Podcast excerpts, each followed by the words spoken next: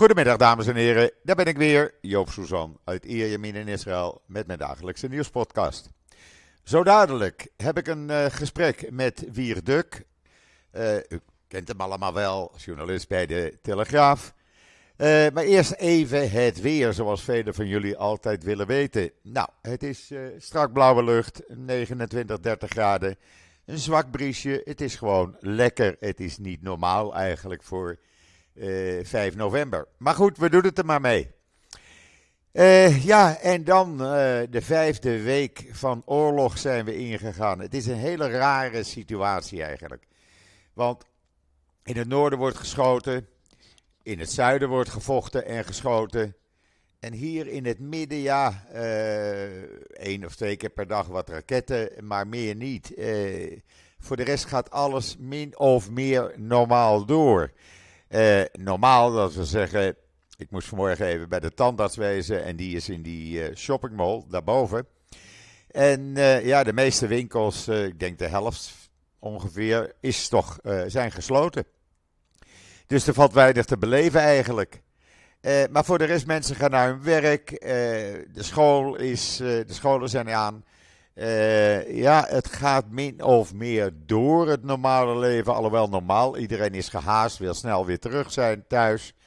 Uh, je blijft niet te lang op straat, want je weet niet wanneer de volgende raket komt natuurlijk. Ondertussen gaan de gevechten gestaag door. Helaas zijn er tot nu toe al 345 uh, militairen gesneuveld. Die hebben hun leven gegeven om Israël te laten voortbestaan. En dat zijn er 345 te veel. Maar goed, ja, het is oorlog. Wat betreft de stroom in Gaza. Nou, als jullie even kijken op mijn Twitter-account. Daar heb ik een filmpje neergezet van gisteravond. Gisteravond.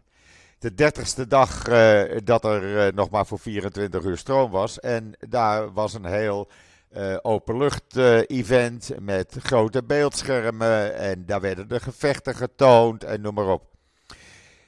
ondertussen heeft minister van Defensie Galant gezworen dat Hamas-leider Sinwar uh, geëlimineerd zal worden. Meneer Sinwar heeft zich verscholen 75 meter onder de grond onder het Shittaf uh, ziekenhuis in Gaza. Uh, maar de IDF weet waar hij zit, dus ze zullen hem wel te pakken krijgen. Ook kunnen jullie filmpjes zien op social media.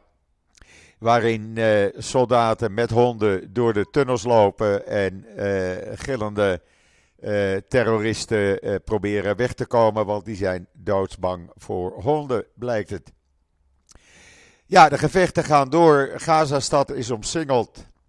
Ondertussen gaan ook de protesten tegen de regering Netanyahu door. Er is gisteravond een demonstratie geweest, zowel in Caesarea als in Jeruzalem, voor zijn aftreden.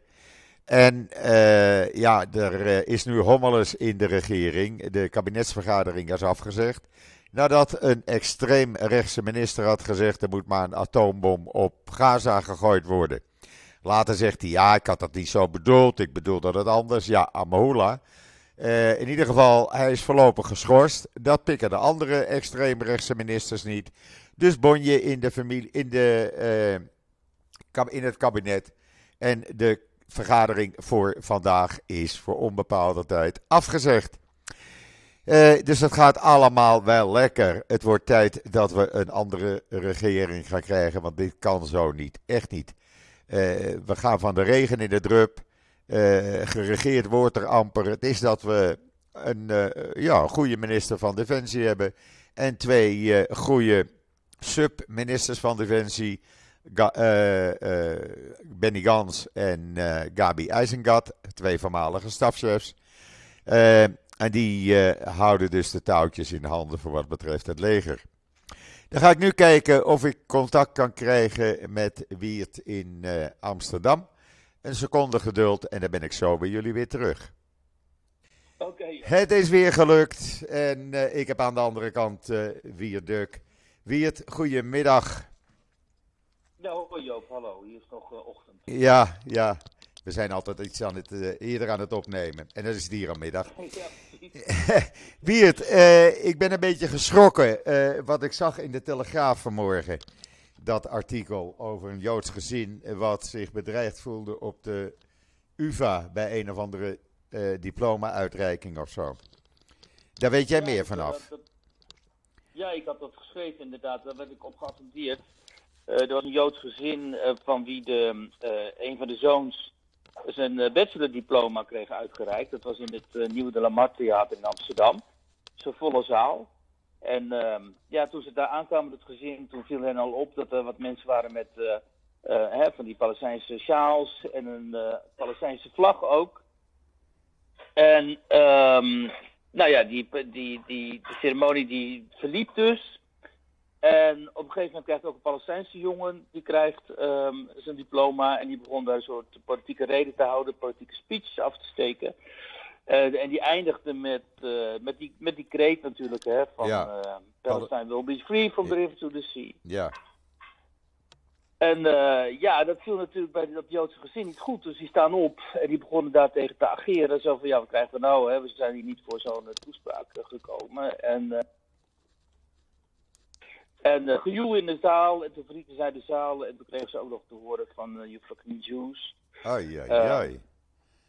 Ja, dat was allemaal eh, niet fijn. En de organisatie deed ook niks. Die zeiden van, nou, weet je, als jullie nog hè, naborrel willen hebben, doe dat dan in een zaal, apart zaaltje met je gezin. Ja. Dan, Nou, eh, dan kom je in ieder geval niet in de buurt van die Palestijnen. een soort apartheid. Echt, eh, Een soort apartheid. ja, een soort apartheid. Moesten Joden vroeger ook niet ergens... Ja, hè, moesten ergens ook apart. anders, ja, ja, Het echt, is toch niet te geloven. Het wordt steeds Maar weet je erger. wat erg is, Ja, Joop? ja. Weet je, ik, ik schrijf dan zoiets, hè, want ik heb toevallig weekenddienst. En ik schrijf zoiets en het verbaast me al niet eens meer, weet je wel. Ja, kijk, het verbaast me wel, maar het is niet eens meer dat ik een soort van kook van woede of zo. En dan Nee. verschijnt het stuk online. En dan, dan lokt het zoveel reacties uit. En mensen zijn zo verontwaardigd en, en, en, en boos. En andere mensen trouwens natuurlijk weer niet, want die vinden dat Joden overal de schuld van zijn. Tuurlijk. Ehm, maar we zijn dus in een situatie gekomen waarin dit soort situaties op de Universiteit van Amsterdam al niet eens meer surrealistisch zijn, maar gewoon voorkomen. En dan moeten, hè, moet de UvA zich weer verontschuldigen. Die moeten zeggen, ja, we zullen in gesprek gaan met die Palestijnse jongen en zo. Dit kan natuurlijk niet. Maar ja, weet je, het gebeurt gewoon. Ja. En ehm, wat jij natuurlijk ook ziet vanuit Israël, is wat er gebeurt in onze straten. Hè? In al die steden hier in Europa en, Ja. in eh, de Verenigde Staten ook. Ja, dan schrik je natuurlijk helemaal dood, joh. Ja, ja. En, en, en dat- ik, ik, eh, ik kreeg vanmorgen een foto toegespeeld, of twee foto's eigenlijk. Eentje van een, eh, een foto onder de Zuidas, een poster, Zuidas in Amsterdam. Een hakenkruis door een Davidster. Dat, waren, dat zijn aanplakbiljetten, foto's. En in het Verzetsmuseum afgelopen nacht, tijdens de museumnacht, werd de Palestijnse vlag opeens vertoond. Op grote schermen.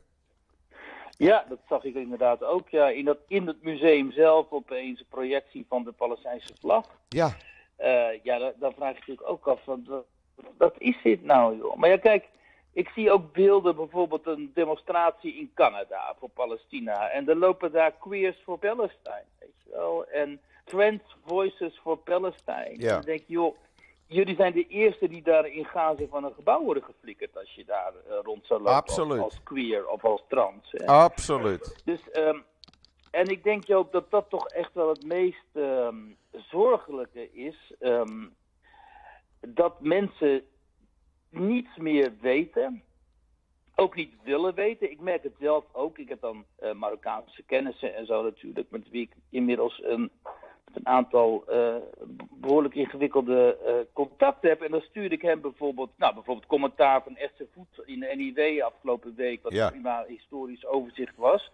En ja, en dan zeggen ze, ja, ik ga, ik ga dit niet lezen. Dat is dan de reactie. Ik ga dit niet lezen.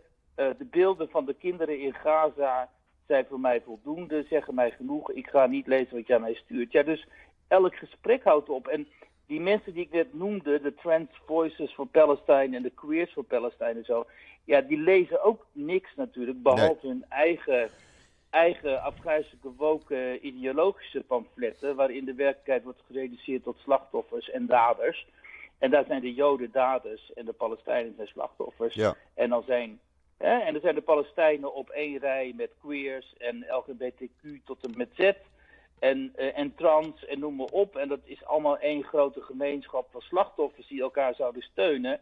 En deze mensen begrijpen niet dat uh, zij misschien wel de, de arme Palestijnen steunen, maar dat omgekeerd Hamas hen zou uitroeien natuurlijk, zodra uh, zich die mogelijkheid voorzet. Natuurlijk, natuurlijk. Er was vanmorgen ook een, een filmpje, kwam er online, ik heb hem geretweet, waarin inwoners van, van Gaza uh, ageren tegen de uh, Hamas. Die moeten niks van Hamas ja. hebben. Ja, ik lag, zag ook zo'n beeld van een mevrouw die schreeuwde van. Uh, nee, één mevrouw die riep van. hè, die misdadigers Hamas, wij, dit komt door jullie. Ja. En iemand anders die riep zo'n stem, ik weet niet, een, een mannenstem was dat, die riep van Amerika, Amerika, waar zijn jullie nou, kom ons helpen. ja, natuurlijk is. Hamas daar niet voor 100% uh, ondersteund door de, door de bevolking van Gaza. Alleen vrees ik wel dat een heel groot deel, wat je ziet, zie je ook altijd wel in die peilingen en zo, uh, wel achter die, die, terreur, die terreurbende staat. Ja. ja, die zijn natuurlijk ook totaal gebrainwashed. En als je inmiddels al twintig dagen of zo Israëlse bommen en raketten op je hoofd krijgt, ja, dan, dan in al die radeloosheid en zo. Wat moet je dan nog, weet je wel? Ja. Ik bedoel, je kunt moeilijk van die mensen verwachten dat ze het Israëlische standpunt gaan ondersteunen of zo. Dat kan natuurlijk ook niet, Nee. want zij liggen onder de bommen en zij zien hun kinderen... eh, Ja, maar er is maar één mogelijkheid voor Israël. En dat is om een einde te maken aan die Hamas-bende. Daar moet gewoon een einde aan Tuurlijk. komen. En ja, als ja, dat. hoe, eh, eh, en ja, Kijk, ik zeg ook steeds, als de Hamas zich overgeeft, dan zeggen oké, wat, wat in feite de, de Armeniërs in Nagorno-Karabakh hebben gedaan. Hè, had je ook zo'n Armeense enclave in Nagorno-Karabakh. Eh, de internationale gemeenschap had zijn handen ervan afgetrokken. Eh, ze hadden weliswaar wapens, maar eh, ze hadden niet meer gesteund worden vanuit het moederland Armenië. Toen kwamen de Azeris en die eisten dat gebied weer op. En toen hebben die eh Armenische Karabakh gezegd: Oké, we geven ons over. Ehm, we gaan niet vechten, want het leidt alleen maar tot een bloedbad. We geven ons over. En toen zijn ze dus verdreven. hè, De afgelopen week iets van meer dan 100.000 Armeniërs zijn daar uit, dat, uit die enclave verdreven. Ehm Hamas zou zich ook over kunnen geven. Hè. Ze zou kunnen zeggen, ja, we, hè, we zijn geconfronteerd met zo'n enorme militaire overmacht van Israël. We gaan het niet, niet riskeren. We gaan onze burgers niet als, ehm, als kanonnenvoer gebruiken. Maar ja, dat doen ze niet. terwijl, En, ze, terwijl ze geld genoeg hebben, die leiders. Die hebben iets van twee. die zitten toch in Qatar en elders. Hè? Die hebben niks te duchten. nee. Ehm, De enige die nog ja, wat te duchten heeft is Sinwar. Die zit eh, onder de grond van dat ziekenhuis. In eh ja, daar helemaal diep, hè? 70 Ja. meter of zo. Het is ook Ja. interessant, Joop. Ik sprak vandaag, of nee, eerder deze week, eh, Joel Roskin. Dat is een uh, Israëlisch specialist in die tunnels. Ja, En die heeft zich dus de afgelopen jaren helemaal in die tunnels verdiept en zo.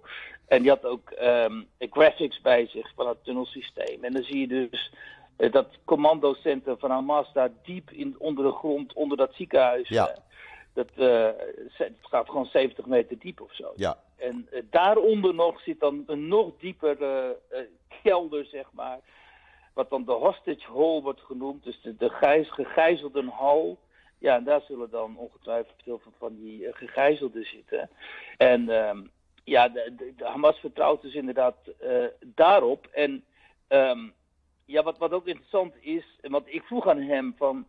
Is het nou vergelijkbaar met dat eh, tunnelsysteem wat de Vietcong destijds had gebouwd? Hè? Want dat weet je ook nog wel van ja. die Vietcong-strijders die doken dan opeens s'nachts op uit die Ja. tunnels. En die Amerikanen waren nu enorm verbaasd en zo. Doet Hamas ook, hè, trouwens. Doet Hamas ook. Precies, dat, precies wat Hamas dus ook doet. Ik heb er gisteren nog een Ehm, filmpje over geplaatst. Ja. Zie je ze gewoon Ja, uit de en- grond opduiken. Ja, en dat hebben ze natuurlijk eh, met die aanval op de, kibbutzim en zo ook gedaan. En eh, ja, die Roskin die zegt, ja klopt, dat is natuurlijk vergelijkbaar. Alleen wat de jungle voor eh Vietcong was, die jungle die verborg die in- en die uitgangen van die tunnels. Dat zijn dus de, de, de gebouwen voor Hamas. Dus ze laten gewoon die tunnels uitkomen in bijvoorbeeld een, een kleuteropvang. Hè? Of ze Ja. die tunnels beginnen gewoon in een vet waar oude mensen wonen en Ja. zo. Ja, en als je dan die tunnels wilt vernietigen, ja, dan gaan die Israëli's die riskeren dan natuurlijk enorm eh, kinderen en eh, andere burgers eh, daarbij om te brengen. En dat moet jij maar zeggen, Joop, want ik vraag me steeds af.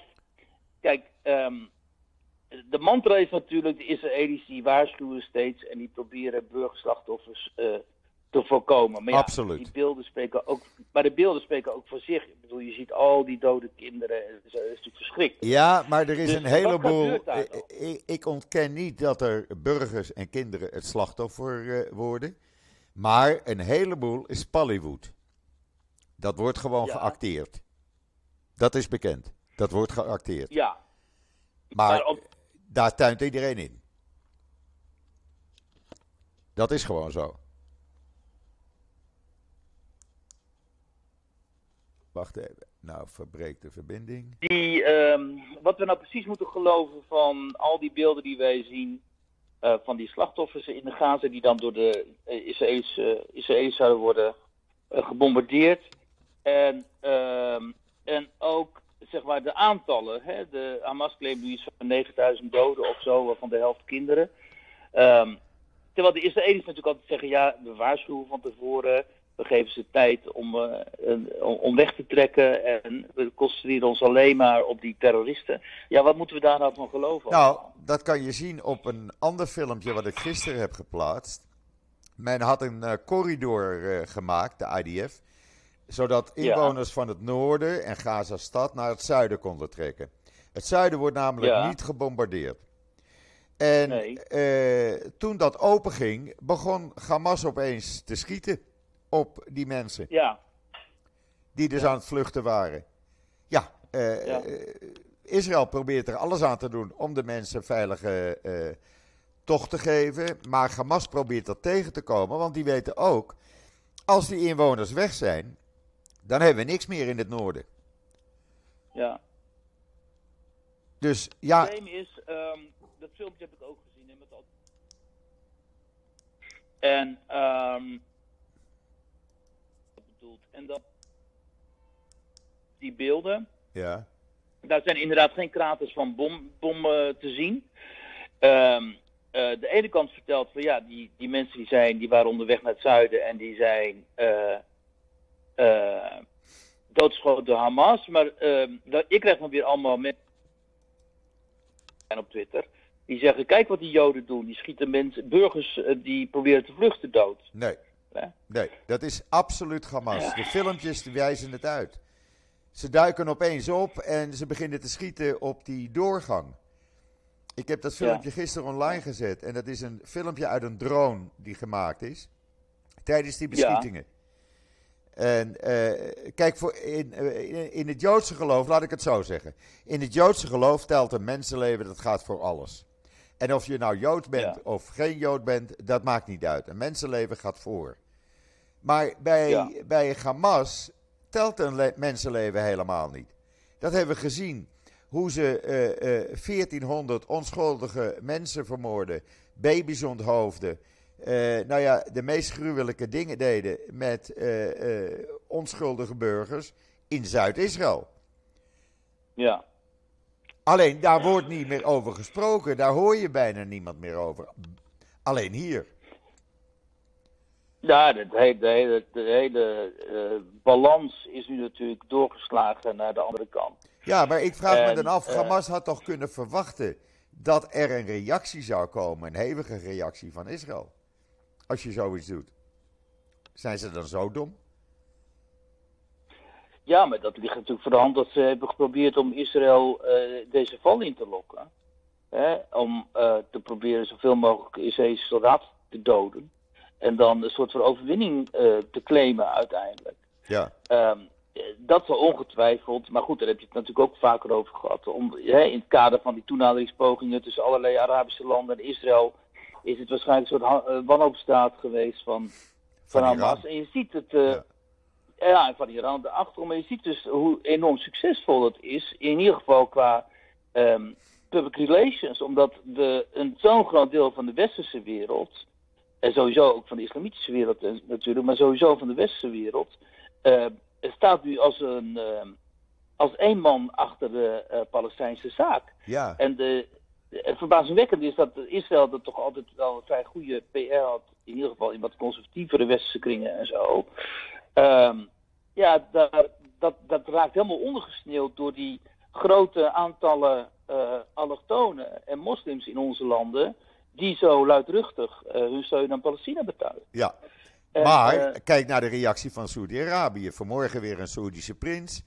die Hamas eventjes de les las. En ja, ja Saudi-Arabië wil toch door met die diplomatieke betrekkingen met Israël. Ja, ik denk dat dat juist voor die demonstranten een nog, nog sterker bewijs is. Zijn. Uh, uh, en dat die dus samenwerking zoeken met uh, Israël en met de Verenigde Staten. En dat die dus geen enkele binding meer hebben met de straat. Ik denk dat dat de conclusies zullen zijn van zowel die Arabische uh, burgers in die, groot deel ervan in de Arabische landen, als in ieder geval mensen hier in de Arabische diaspora, zeg maar, hè, die, die sowieso natuurlijk al vaak uh, grote problemen hebben met die elites daar in hun landen van herkomst. En je ziet het misschien ook wel een beetje aan de reactie van die Hezbollah-leider op Iran. Um, die viel enorm mee. Die viel enorm mee. Is, zeg ja. maar. Iedereen. De, de, die begon ook te schreeuwen tegen Iran. Ja. Zo van jullie, jullie ja, jullie verkwanselen de goede zaak of ja. zo, weet je, op die manier. Nou, ik sprak vrijdagmorgen, eh, dus voorafgaand aan die toespraak, een van de buren hier. En natuurlijk, eh, het gespreksonderwerp is alleen maar wat er gaande is, die oorlog. En die zegt, nou, hij zegt, eh, eh, maak alles maar in gereedheid, want na die toespraak vanmiddag van uh, Nasrallah zitten we voor drie weken in de schuilkelder. Ik zei, nou, misschien valt dat wel mee. Nou, dat viel gelukkig wel mee. Want hij, ja, hij bond erg in. Hij was niet zo van, we gaan ook eens even meedoen. Omdat hij weet nee. dat dat het einde is van, uh, van zijn club. Dat weet hij gewoon. Ja. En dat zie je ook in ja. de reactie van Iran. Die heeft een aantal troepen uit Syrië overgebracht naar Zuid-Libanon. Omdat ze Hezbollah niet vertrouwen. Ja, dat is voor Israël natuurlijk altijd toch, dus denk ik, um, een soort van uh, mogelijkheid dat die landen en die groepen intern elkaar ook nooit vertrouwen. Nee. En dat er dus altijd wantrouwen heerst tussen al die uh, groeperingen, waardoor ze nooit een eenheid kunnen vormen. Dat is in het verleden natuurlijk met die grote oorlogen tegen Israël ook het geval geweest. Ja. en en Israël heeft natuurlijk ook eh, voldoende mogelijkheden om daar binnen te gaan stoken en die groepen tegen elkaar op te zetten en zo neem ik aan via hun ja. Veiligheidsdiensten en zo en infiltranten. Dus, um, maar ja, mij viel het ook op hoor. Ik had toch verwacht dat dit voor Hezbollah en Iran uh, een eh, window hè, van opportunity zou zijn om ja. nu uh, eindelijk Israël echt een kopje kleiner te maken. Wat ze zo graag willen immers. Uh, maar niet dus, althans nog niet. Nee, en dat zie je ook in de reactie die Israël dan weer uh, geeft als er weer raketbeschietingen komen vanuit Zuid-Libanon. Dat is alleen maar die uh, lanceerposten uitschakelen en meer niet. Men gaat er niet echt met grof geweld in, terwijl ze die mogelijkheden nee. hebben. Dus Israël ja. probeert die zaak daar op een of andere manier toch in toom te houden. Dat het niet uit de hand loopt. Want er zit natuurlijk niemand op te wachten om dat nog als, als front erbij te gaan krijgen. Nee, tuurlijk. Als dat, als dat front erbij zou komen, ja, dan is Israël natuurlijk echt uh, een existentieel probleem. Dan hebben we een groot en, probleem uh, met 140.000 raketten die klaarstaan. Ja, 140 zijn het er, hè? 140... Ik dacht 40.000, nee, zijn er gewoon 140.000. En niet van die kleine jongens, hoor. Echt niet. Dus... Je vraagt je af waarom, wat denk jij? Waarom, waarom grijpt Hezbollah die kans niet? Omdat ze weten dat ze dan met zulk grof geweld uh, teruggeslagen worden. dat het gewoon afgelopen is met Hezbollah. Want dan gaat ja. Israël met de, met de meest zware wapens erin. Echt, dan maakt het ook niets meer uit. Dat gaat gebeuren. Ja. En dat is ook de enige ja. mogelijkheid. Je kan daar niet gewoon met een paar tanks uh, op af. Dan moet je echt met zware nee. bommen doen en, en de meest zware bommen die je hebt. En gewoon een einde maken aan al die ondergrondse structuur die daar is. Want meneer Nasrallah zit natuurlijk ook onder de grond. Die durft zich ook niet uh, in het openbaar te vertonen. Ja, ja, ze zitten allemaal ja, onder... Al die, al die gasten onder de grond. Ze zitten allemaal onder de grond. Inmiddels heeft Israël wel tegen Rusland gezegd: luister, gezien jullie steun aan uh, uh, Hamas, zullen wij jullie niet meer waarschuwen als wij doelen in Syrië aangevallen. Dat Ja. hebben ze afgelopen donderdag eh, gezegd. Ja, Ja, ja, ja. dus daar zal Nou, Poetin ook niet blij mee zijn. ja, die Russen die spelen natuurlijk ook. ehm, maar goed, kijk, ehm, eh, we moeten niet, ook niet eh, ehm, alles wat de Israëli's doen gaan witwassen. Want dankzij Israëlische steun aan Azerbeidzjan zijn die Azeris er wel in geslaagd om die Armeniërs daar eh, te verdrijven. Ja. Ook, eh, dus Israël heeft natuurlijk ook heel cynische belangen in Tuurlijk, alles En is politiek. denkt ook alleen zichzelf. Alles is politiek. Het is een heel politiek spel. En dat zie je ook aan de rol van Amerika erin. Die proberen nu een humanitaire pauze te bewerkstelligen in ruil voor het vrijlaten van die gegijzelden. Nou, eh, Biden zei gisteravond vijf dagen. Nou, dat zou best eens kunnen dat dat dan gewoon eh, einde van de gevechten is. Ja, Want het lijkt mij Ja. niet dat je na vijf dagen weer opnieuw eh, gaat vechten. Jongens, we hebben die pauze gehad, dan gaan we weer verder. Nee, dat denk ik niet. maar Israël gaat het toch ook niet doen? Je gaat toch gewoon niet eh, die, die, zo'n wapenstilstand instellen? Want iedereen weet dat dan Hamas gaat re- regroeperen. Ja, Of hergroeperen. maar Israël wil ook die gegijzelden terug. De druk op Netanyahu Ja. wordt steeds groter. Er waren gisteravond iets van 10, 12.000 mensen aan het demonstreren tegen hem. Om die ja, gegijzelden... dat wilde ik jou vragen. Ja, Hoe is het nou intern? Want toen wij daar waren bij jullie in juli, meen ik. ja, Er waren natuurlijk enorme demonstraties tegen die eh, ultrarechtse regering hè, van Netanyahu. Ja. En eh, ik kan me voorstellen dat uit die groep mensen die toen de straat op ging, enorm veel onvrede bestaat. Deze eh, oorlog nu. Hè, dat ze waarschijnlijk eh, vinden dat dit eh, veel te rukzichtloos gaat allemaal. Dat er onderhandeld moet worden, dat er een wapenstilstand moet komen en zo. ja. Hoe is die sfeer daar eh onder? Nou, gisteravond is voor het eerst weer gedemonstreerd voor het aftreden van Netanyahu. Zowel in Caesarea, waar hij woont, als in Jeruzalem, waar hij zijn residentie heeft, om het zo maar eens te zeggen. Dat was dan naast die demonstratie in Tel Aviv, die alleen maar Ja. was om druk uit te oefenen, om nou eens wat eh, actie te ondernemen om die gegijzelden vrij te krijgen.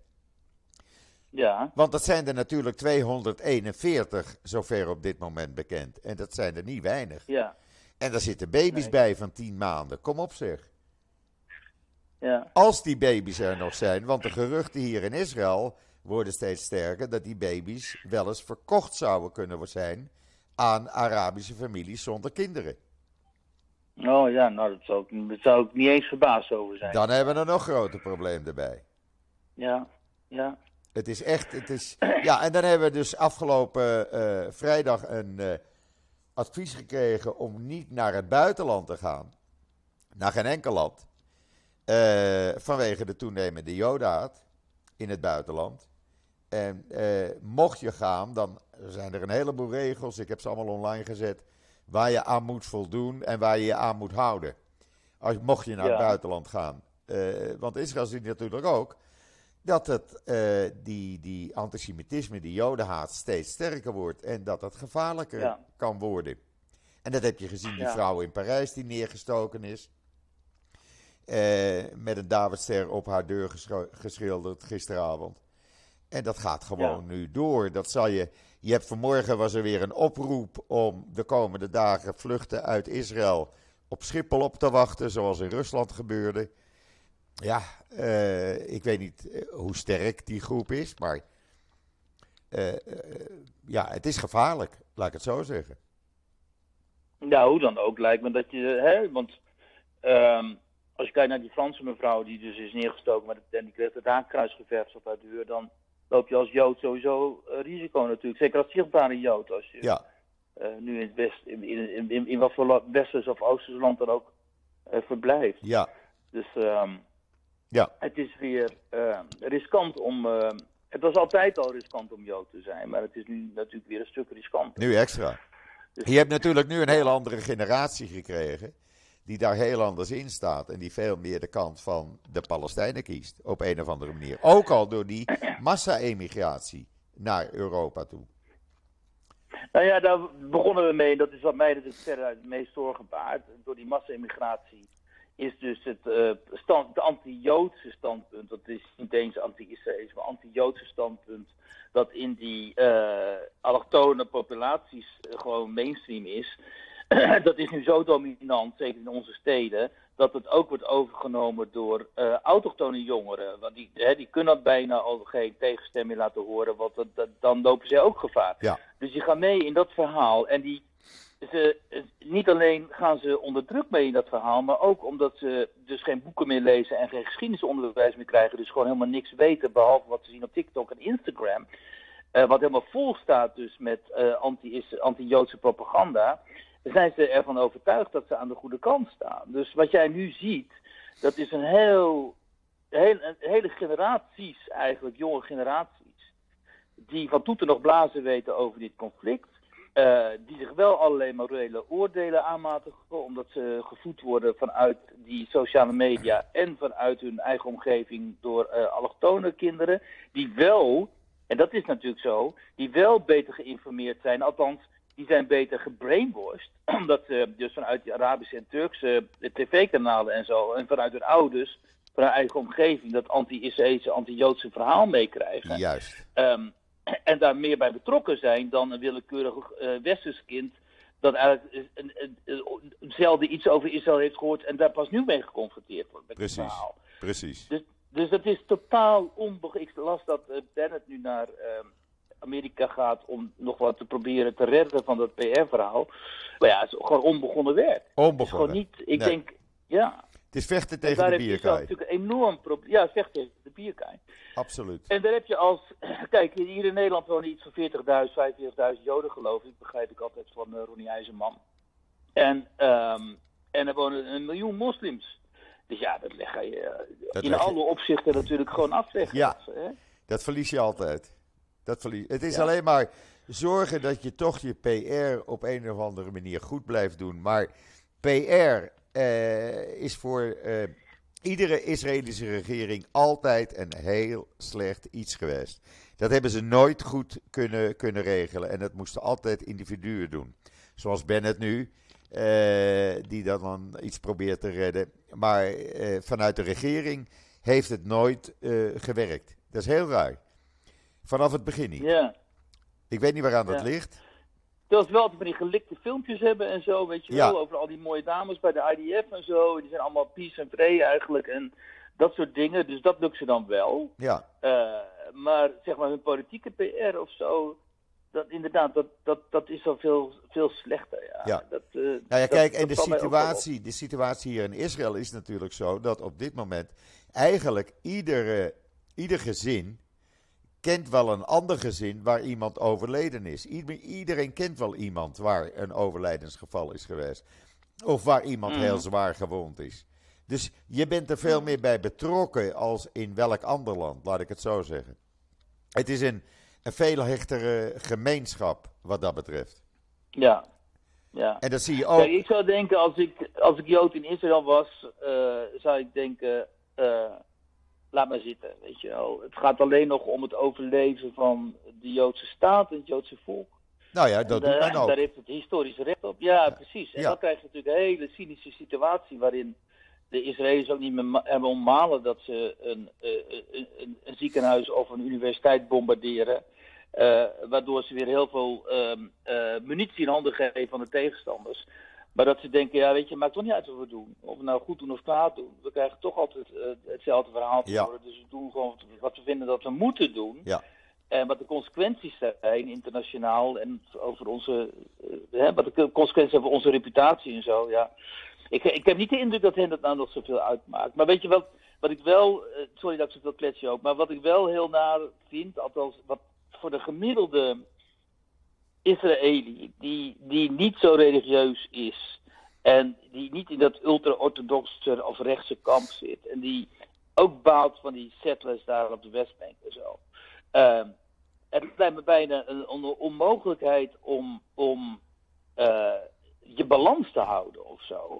Weet je wel, want alles om je heen is gewoon negatief. Je, hebt een, je zit met een extreemrechtse bijna regering opgescheept. Ja. Eh, je zit met volslagen idioten daar bij Hamas, die het liefst eh, kinderen hun ledematen afsnijden en, en vrouwen verkrachten en zo. En dan ben jij een soort van de, de, de, het redelijke midden of zo, de stem van de reden, maar die gaat helemaal ten onder in die extreme, Ja. lijkt mij dan. Dus voor iemand als jou ja. lijkt me dat vreselijk ingewikkeld om daar nu dat allemaal te moeten aanzien. Nou, dat Eh, valt mee. Nee, dat valt mee. Vertel. Eh, Vergeet niet dat de meerderheid eh, van de bevolking. Als je nou nagaat dat de, de, de opkomst van reservisten 140% is. Ja? Dus men Ja. gaat er gewoon voor. 140% is nogal wat. Daarnaast Ja. is in de eerste week eh, na 7 oktober. was de helft van de bevolking betrokken bij vrijwilligerswerk. Op wat voor manier dan ook. Ja, dat zie ik ook inderdaad. Ja, Ja. ja. Nou, dat betekent dat iedereen toch probeert iets te doen voor het land. Ja. En eh, het is het enige land wat we hebben. En daar ga je voor. Heel simpel. Hetzelfde als mensen die aan mij vragen: Joop, eh, jij hebt je Nederlandse paspoort, waarom ga je niet lekker terug naar Nederland? Dan zeg ik nee. Ik wil, Ja. ik wil mijn taak doen, mijn aandeel geven. En dat is gewoon de waarheid naar buiten brengen. En dat is wat ik doe. Dat is het Ja. enige wat ik doe. Ik, ik geef gewoon integraal door wat er hier naar buiten komt. En wat Dus mensen het daar. is niet jouw ervaring dat de stem van de redelijkheid daar nu eh, te zacht klinkt. Nee. Nee, nee, nee. nee. Oh, dat vind ik interessant. Zelfs uit de- krijgen wij hier wel. Nee, want ja, zelfs de ultra-orthodoxen. Er zijn 3000 ultra-orthodoxen hebben zich vrijwillig aangemeld bij de IDF. Ja, ja, dat hoorde ik ook inderdaad. Die gaan. Terwijl dat- die normaal gesproken niet in het leger gaan, hè? die willen niet in het leger. Nooit. Nee. Ze hebben zich nu aangemeld. Niet om te vechten. Ze worden vrachtwagenchauffeur of buschauffeur of weet ik veel wat in het leger. Eh, maar ze doen niets. En dat is heel opzienbarend. Dat is echt heel opzienbarend. De 3000 Ja. is erg veel. Echt waar. Ja. Ja. En dat zie je ook aan, aan de gevechtseenheden waar eh, ultra-orthodoxe soldaten eh, in dienen. Eh, ja, men gaat ervoor. Omdat iedereen weet, we kunnen dit land niet verliezen. Dat kan Wat, niet. wat maakt dan opeens dat ze dan wel mogen eh, dienen in het leger? Want normaal gesproken, ultra-orthodoxen erkennen de staat Israël niet, hè? Want die mag pas worden uitgeroepen als een Messias terug is, begrijp ik altijd. Nou, die is er nog niet. Dus erkennen, hè? Want je ziet dus ook veel beelden, filmpjes van ultra-orthodoxen die dan zeg maar, zich solidair verklaren met eh, Gaza, hè? met de Palestijnen. Ja, maar dat is die Natura Carta. Dat is die eh, extreme eh, ultra-orthodoxe groepering. Waar niemand hier iets van moet hebben in Israël. Maar in de Palestijnse propaganda speelt hij dus een heel belangrijke rol. Ja, die, die maken daar gebruik van. Media. Ja, natuurlijk. Ja, Ja, ja, wa- ja, weten die. Palestijnen veel. eh, het verschil tussen ultra-orthodox en Natura Carta. Ze zien er allebei eh, hetzelfde uit. Allemaal met een zwarte hoed en zo. Dus dat verschil zien ze niet. Nee, daar, daar maken ze gebruik van. Maar er zijn nu een aantal rabbijnen geweest die gezegd hebben: jongens, jullie moeten je aanmelden. Dus ze hebben zich aangemeld. Oh, heel goed. Ja, Ja. ja. Dus ook daar is nu e- een min of meer eenheid, laat ik het zo zeggen. En ja dat is wel goed. het, ja. Dat is wel Ja. goed. Ja. En voor de rest gaat iedereen ervoor. Ik eh, moest vanmiddag even, vanmorgen bij de drogist zijn en ik kom eh, bij Superfarm naar binnen. Ja, daar staat de helft van de winkel vol met vrouwen en mannen met eh, grote machinegeweren op hun rug die ook iets moesten kopen. En dat ja, is, het is ook wel in- altijd indrukwekkend om te zien. Hè? Dan Ja. zie je van die jonge vrouwen gewoon in een jurk en zo. En die staan dan in de, in de bus of weet ik veel wat. Ja. en Die hebben dan zo'n enorm automatisch geweer op hun schouder. nou, je hoort hier, oké. We- we- Ja. Dat zal je in Nederland ook nooit meemaken. Hier hoor je constant op de radio eh, tips wat je moet doen bij een raketaanval op een bus. Wat je moet doen als je in de trein zit en er eh, komen raketten. Wat je moet doen als je in je auto zit. Eh, ze geven constant tips wat je moet doen Ja. bij raketaanvallen. En dat gaat de hele dag door. En op het Ja. moment dat er raketten vallen, dan wordt er genoemd, dan worden de programma's onderbroken. En dan wordt er dus genoemd waar die raketten, waar het alarm geldt. Ja, Dus ja, je, ongelooflijk, je, je ontkomt er niet aan. Je ontkomt er niet aan. ja. Ja, het is voor ons sowieso heel raar hè, om op plekken te zijn geweest, nog maar een paar maanden geleden, waar dan nu eh, die raketten vallen of waar mensen zijn vermoord massaal, weet je wel, daar rond Ja. Gaza en zo. Ja, Wij waren natuurlijk ook daar. En Ja. ja, ja dat is heel moeilijk, eh, heel moeilijk allemaal. Kijk, maar de En, eh, raketten die op het ziekenhuis in Asdod zijn gevallen, daar hoor je niemand over. nee, nee. Daar maakt niemand Nee, zich druk over. Nee, dus ja, die, die, die disbalans in de sympathie en ook in de nieuwsvoorziening. Ja, je ziet het in hele subtiele dingen. Hè? Als je dan het ANP-bericht leest over bijvoorbeeld die mevrouw die daar dan in, eh, in Frankrijk is eh, aangevallen. En wat duidelijk natuurlijk een antisemitische aanslag was. Eh, dan wordt er ook nog even aan gerefereerd dat de islamofobie op dit moment in Europa ook heel groot zou zijn. Ja, dat zo slaat dat op? dan al die mensen toch niet te strak. Dat slaat helemaal nergens Nee, op. met Maar andere woorden, dan op mag het.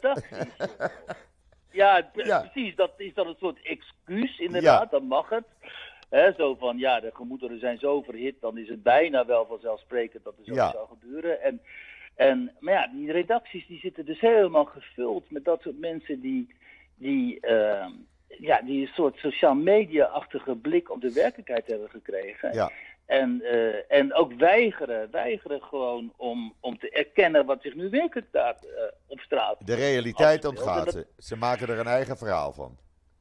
Ja, Ja. ja. dat, eh, de gevolgen natuurlijk ook van eh, die eh, diversiteitspolitiek, waardoor we ook allerlei mensen met eh, verschillende achtergronden op redacties hebben gekregen. Maar ja, die hebben een andere blik op de geschiedenis. En als Ja. die blik op de geschiedenis dan is misvormd, omdat ze gewoon nooit goed onderwijs hebben gehad. Precies. Want je weet natuurlijk, de kwaliteit van het onderwijs op de HBO en zo, dat is natuurlijk allemaal waardeloos. Ja, dan krijg je dit, weet je. Ja. En het is, ja, wat jij eerder al zei, echt vechten tegen de bier. Je kunt schrijven wat je wilt, je kunt praten wat je wilt als brugman. Maar eh, je praat gewoon in een vacuüm. Want ze kijken je aan zo van, waar heeft hij het over, weet je wel. Maar Ze toch blijf ik doorgaan. Toch blijf ik Ja, doorgaan. Want er is een steeds eh, grotere groep die gewoon wil weten wat er echt speelt. Die ook zeggen tegen mij, Ja, die, Joop, die, die wereld krijg ik ook, ja. Ja. eh, die, die gewoon zeggen, sturen me berichtjes. Joop, eh, geweldig, nou weten we tenminste wat er gaande is. Want dat beeld krijgen ze niet klopt. uit de nieuwsvoorziening in Nederland. En dat vind ik een kwalijke Nee, zaak. dus vergeet niet. eh, jij bent de Fox Populi nu, hè? De, de, de, de, de Foxpop die we altijd eh, halen als journalisten op straat. Ja, En jij bent die nu via je podcast en je tweets en zo en je, en je, en je columns. eh, ben je rechtstreeks toegankelijk voor de nieuwsconsument in Nederland. En dat is natuurlijk wel het geweldige aan deze tijd. Ze hoeven niet meer via een filter van de mainstream media. Nee. Ze kunnen jou rechtstreeks volgen. ik en vertaal een alles. ander geluid eh, Ja. te horen. Ik vertaal Ja. alles. Ja, ook de persberichten bijvoorbeeld, die twee keer per dag worden gegeven. Die vertaal ik en die gaan online. En integraal, ik ga daar niets aan veranderen. Omdat ik het belangrijk vind dat men weet hoe men hier eh, spreekt en wat men hier zegt. En daar ga ik niet een eigen draai aan geven. Dat doe ik niet. Nee. Nee. En ik zag dat je zelfs in de Telegraaf stond eh, laatst. Ja, ja, Ja, ja, ik raak wel. geïnterviewd door collega Marcel Vink. Ja, klopt. nou ja, goed. Iedereen die Ja. informatie van me wil, ik, ik sta daarvoor open. Dus eh, op die manier Ja. doe ik dat. hey Wiep, Ja, ik vond het weer een gezellig, eh, een leuk gesprek. Een goed gesprek eigenlijk. Laat ik het zo zeggen. Ja, Joop. Hé? Heel veel dank. Jij eh, heel veel dank. Keep up the good work, zoals we zeggen. Ik ga door. Eh, jij enorm bedankt weer voor je medewerking. We blijven in, Jij, we keep in touch. oké Joop, sterkte man. En eh, we houden contact. Doen we. Fijne dag. Bedankt Wiep. Bye. Hoi, hoi. Hoi, hoi, hoi. Ja, dat was een lang gesprek met Wiep. Mickey weet dat het afgelopen is, de podcast. Ik ga er ook een eind aan breien. Ik ben er morgen weer en zeg zoals altijd: tot ziens. Tot morgen.